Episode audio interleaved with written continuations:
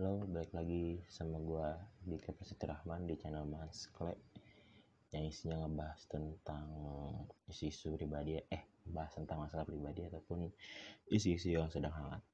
Ya gue tahu yang lagi hangat nih negara Adisti ya, kita ketahui dengan oh dia bersilaturahmi.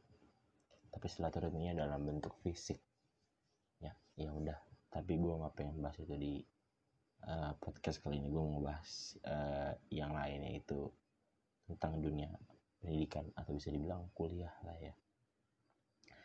Gue punya masukan banget jadi uh, gue habis beres uh, zoom lah. Google Meet sama teman-teman gue yang notabene uh, dia emang nggak nggak apa ya bisa dibilang notabene nggak mau negeri lah gitu. Nah jadi gue kenal sama orang ini tuh dari suatu acara namanya Duta Hari Air itu dilakukan setiap tahun sekali. Cuma tahun ini karena ada pandemi jadinya itu hmm, nggak hmm, ada. Oke okay. mungkin tahun depan bakal ada tapi coba aja lu cek di Instagramnya terus namanya @ditjenSTA atau Kementerian PPR dia bakal update terus gitu. Dan gue tau orang ini karena dari video itu jadi gue sering kena gue asik. Gue memutuskan buat ada beberapa temen gue yang akhirnya kita bikin apa ya bukan bikin circle tapi kayak uh, kalau kita sering hangout bareng kita ngobrol bareng adalah seputar pendidikan ataupun kadang ya tentang masalah sehari-hari lah gitu.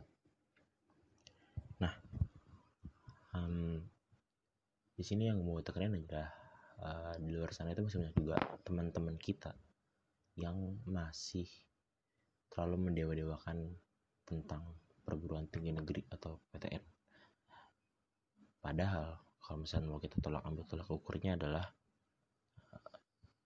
PTN itu bukan segalanya gitu. Maksudnya dalam artian PTS tuh nggak buruk. Yang gue tekanin di podcast kalian di PTN PTS itu nggak buruk. Sorry PTS nggak buruk.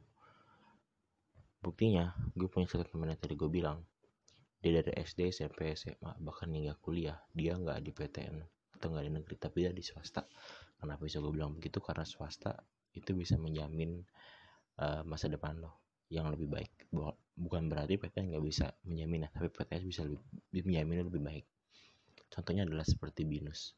Binus sendiri kenapa gue ambil binus? Karena binus adalah salah satu PTS yang udah nerapin uh, apa namanya kurikulum internasional. Dan itu buat gue keren banget coy.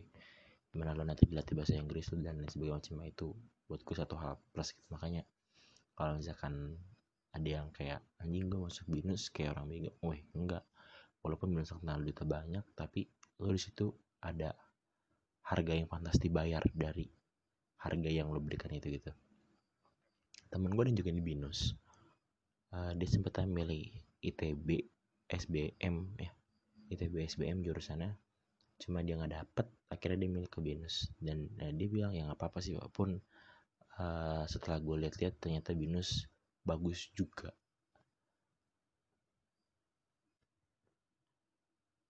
Dan buat orang-orang yang masih tetap kekeh sama gue mau PTN walaupun jurusan yang gak suka pikirin baik-baik diri lo pikirin lebih baik-baik. Lu kuliah karena universitas yang mau mau atau karena prodinya. Oke? Okay? banyak orang-orang kakak kelas kita itu yang nyeselkan disalah milih jurusan. Dan jangan sampai itu terulang lagi di kita ataupun adik-adik. Gue gak mau cerita tapi teman-teman. Ya jangan sampai kejadian ulang. Pilih prodi lo oke berkembang di situ. Ya. Udah. Pilih prodi lo tapi prodi lo walaupun universitasnya apa pun pilih prodi lo lo bisa uh, mulai di list prodi mana yang lo pengen universitasnya beserta ketata ke ketatannya dan ya setelah itu lu bakal ngerasa seneng. Ya walaupun dalam hati lu kadang nyesel karena lu nggak bisa masuk PTN yang lu impi-impikan. Tapi buat gua so far eh, nggak uh, apa-apa gitu. That's good. Karena lu bisa ngalahin ego lu lu bisa ngalahin oh iya gue lebih baik masuk sini karena gue suka prodi ini gitu it's okay no problem.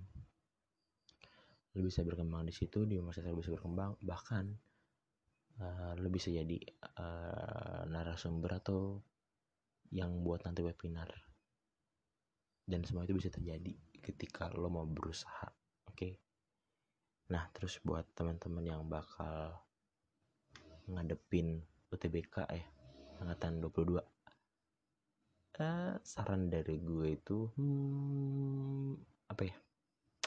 Mulai dicek apa ya ngejar rapot semester 5 kayak kalau orang yang nggak mah kayak anjing ngapain gue ngejar rapot semester 5 yang udah notabene kayak lu misalkan udah semester 1 semester 4 tuh udah jelek ngejar semester 5 pun gak akan membantu gitu. Hmm, kalau misalkan lu udah ngerasa semester uh, SNMPTN udah sulit gue gak tau ya SNMPTN itu gimana ketentuannya buat angkatan lo kalau angkatan lo kan dia di rapot terus dari sekolah.